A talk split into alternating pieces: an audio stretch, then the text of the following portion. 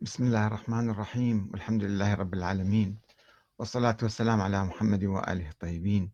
ثم السلام عليكم أيها الأخوة الكرام ورحمة الله وبركاته. منذ أكثر من قرن بالحقيقة منذ حوالي قرنين الأمة الإسلامية تحاول التخلص من الاستبداد والديكتاتورية وقد نجحت في آه، بعض المناطق أو في كثير من المناطق بتأسيس الثقافة الديمقراطية في مقابل الاستبداد والديكتاتورية. ما عدا بلد واحد في العالم الآن آه، لا يزال يتشبث بالفكر الاستبدادي المطلق المغلف بغلاف الدين. يمكن واحد يعني يكون ديكتاتور في تشيلي مثلا ولا في أسبانيا ولا في أي مكان ولكن أن يغلف ديكتاتوريته المطلقة وحكمه الاستبدادي البشع بأغلفة الدين ويخدر شعبا كاملا ويقمع شعبا كاملا ويخضع شعبا كاملا لسياسته الدكتاتورية المطلقة المركزة بشخص واحد أو ابن شخص واحد ابن أمير ابن ملك مثلا. هذا البلد هو السعودية. والوهابية هي التي تشكل قاعدة هذا النظام الثقافية والفكرية. ومن أسس هذه الثقافة هو المسؤول الأول عن هذه الثقافة التي كرسها تحت شعار التوحيد ولكن كرس الظلم والإستبداد والفجور والطغيان هو محمد بن عبد الوهاب. وأنا لا أريد أن أتحامل عليه ولكن سوف أقرأ لكم ما كتب وما قال وما عمل في تأسيس النظام السعودي. وقد حدثتكم يوم أمس آه، عن بعض المعارك التي جرت في نجد بين الحركة الوهابية وبين المتمردين عليها من الوهابيين أنفسهم من ما يسمى بالموحدين. منهم أخو الشيخ محمد عبد الوهاب اللي هو الشيخ سليمان ابن عبد الوهاب اللي هو كان قاضي في حريملة. وما كان عندهم أي مشكلة في التوحيد ولا في الشرك ولا ولا يحزنون. ولكنهم خرجوا على نظام أو سلطة آل سعود. فاعتبروهم مرتدين. مرتدين. وسحقوهم. أبادوهم. أبادوا تلك القرى. كل قرية صغيرة 170 أكثر أقل كان يقتلون منها عندما يقتحمونها. لماذا؟ لأنها ليست مشركة ولا كافرة. ولكنها خرجت عن سلطة آل سعود فيعتبرون الخروج بمثابة ارتداد عن الإسلام الخروج عن سلطة آل سعود فلا تتعجبون إذا قتلوا مثلا جمال خاشقجي وقطعوا وصلوا وصلوا بالمناشير. لا المشك... المسألة أكبر وأعمق. قرى حوالي حوالي الدرعية يجتاحونها ويبيدون أهلها ومن الرياض. الآن أقرأ لكم مع الأسف الشديد هذه الثقافة مطمورة. يعني هي تشكل قاعدة لأن هم دائما يتربون على هذه الثقافة وعلى هذا الفكر ويريدون أن يسيطروا على هذا الشعب العربي المسلم في الجزيرة العربية بهذه الثقافة المشوهة عن الإسلام والبعيدة عن روح التوحيد وعن روح الإسلام.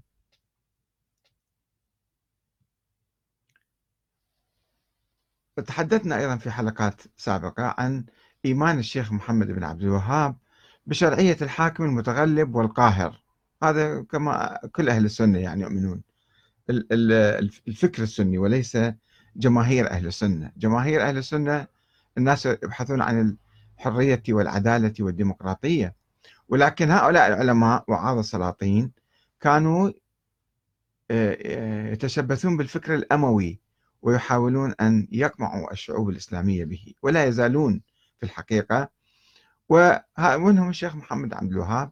اللي كان يؤمن بشرعية الحاكم المتغلب والقاهر ويرفض الشورى.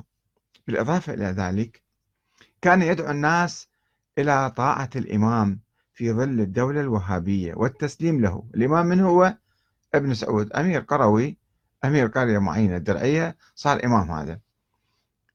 والسلطان العثماني لا مشرك هذا ما يجوز. طاعته ويجب الخروج عليه. في نفس الوقت اللي الحركة الوهابية كانت تنشط في الجزيرة العربية كانت تكفر تضطر تكفر وإلا كيف تخرج عن السلطان العثماني؟ هذا مشرك كافر فيحل الخروج عليه. ويجب طاعة هذا الأمير البدوي في الدرعية. وأيضا محمد بن عبد الوهاب يحرم الثورة عليه. وصارت ثورة صارت ثورة في صفوف الحركة الوهابية ضد هذا ابن سعود وضد محمد بن عبد الوهاب لأنه كان مسرف في التكفير وفي القتل وفي الإرهاب وفي الاغتيالات. إلا أن ابن سعود كان يحرم الثورة على ابن ابن, ابن عبد الوهاب يحرم الثورة على ابن سعود بغض النظر عن طبيعة سياسته وسلوكه. ويقول أرى وجوب السمع والطاعة لأئمة المسلمين. برهم وفاجرهم ما لم يأمروا بمعصية الله. حتى لو كان فاجر قبل مدة سمعت ذاك الشيخ الوهابي يقول إذا الإمام يزني بالتلفزيون نصف ساعة بالتلفزيون أمام الناس فتجب طاعته. فاجر مو مشكلة. خليه يفجر بالتلفزيون أمام الناس ويشرب خمر ويسرق وينهب ويقتل ويعذب كل شيء. طاعته محفوظة أمام الحرمين. إمام الحرم المكي أمس يوم الجمعة يتشبث بمحمد بن عبد الوهاب ويدافع عنه ويستغل هذا المكان المقدس لكل المسلمين لدعم سلطان ظالم جائر قاتل سفاح وعميل في نفس الوقت للأمريكان.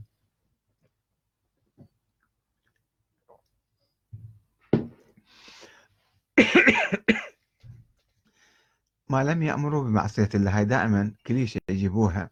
ما لم يأمروا بمعصية الله. يعني أنت لازم تطيع الحاكم بس إذا قال لك أنت تعال إذني لا تزني. إذا قال لك أنت تعال اشرب خمر لا تشرب خمر. بس إذا قال لك روح أقتل روح أقتل. مو مشكلة هاي. هذا ضمن السياسة مصلحة العامة. هاي مو معصية الله. القتل مو مو من معصية الله.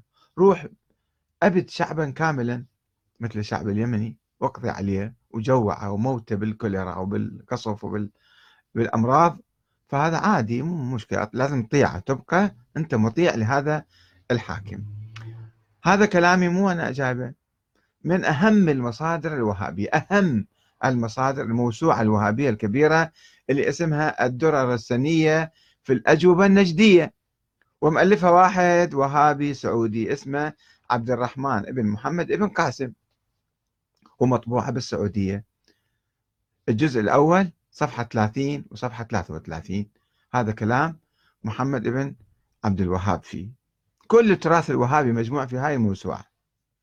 وأيضا وإن من تمام الاجتماع والسمع السمع والطاعة لمن تأمر علينا ولو كان عبدا حبشيا. ليش هم يقبلون واحد غير من أهل نجد يعني يتأمر عليهم. واحد من الحجاز مثلا أو واحد من عسير أو واحد من القطيف أو من حائل. ولو كان عبدا حبشيا لازم يطيعوه. وين؟ وين هالتطبيق الحديث هذا؟ وهو عندهم العنصرية. جمال خاشقجي صار له 500 سنة في الحجاز. آباءه وأجداده تالي يطلع هذا تركي. عنصرية عنصرية. شوف شلون عنصرية. هذا تركي أصله تركي هذا مو عربي مو مو مو من أهل نجد. هذا أيضا نفس المصدر. الدرر الرسانية جزء واحد صفحة 173 ويقول أيضا الشيخ محمد بن عبد الوهاب من ولي الخلافة واجتمع عليه الناس ورضوا به وغلبهم بسيفه حتى صار خليفة وجبت طاعته وحرم الخروج عليه. خلص ياهو اللي يسيطر بالقوة هو يصير خليفة وحاكم مثل أحمد بن حنبل بالضبط هذا كلام عنه. نفس المصدر جزء واحد صفحة 30 و 33 وذلك هاي الثقافة السياسية الوهابية آه، ضمن السياق العام للموقف السني المدعوم بروايات كثيرة حول الموضوع. طبعا روايات مزورة كلها مكذوبة مثل من ولي عليه وال فرآه يأتي شيئا من معصية الله فليكره ما يأتي من معصيته ولا ينزعن يدا عن طاعة. ومن كره من أميره شيئا فليصبر عليه. مو مشكلة يعني. فإنه ليس أحد من الناس خرج من السلطان شبرا فمات عليه إلا مات ميتة جاهلية. وهذا حديث يناقض القرآن. وين موجود في القرآن؟ هذا الشيء.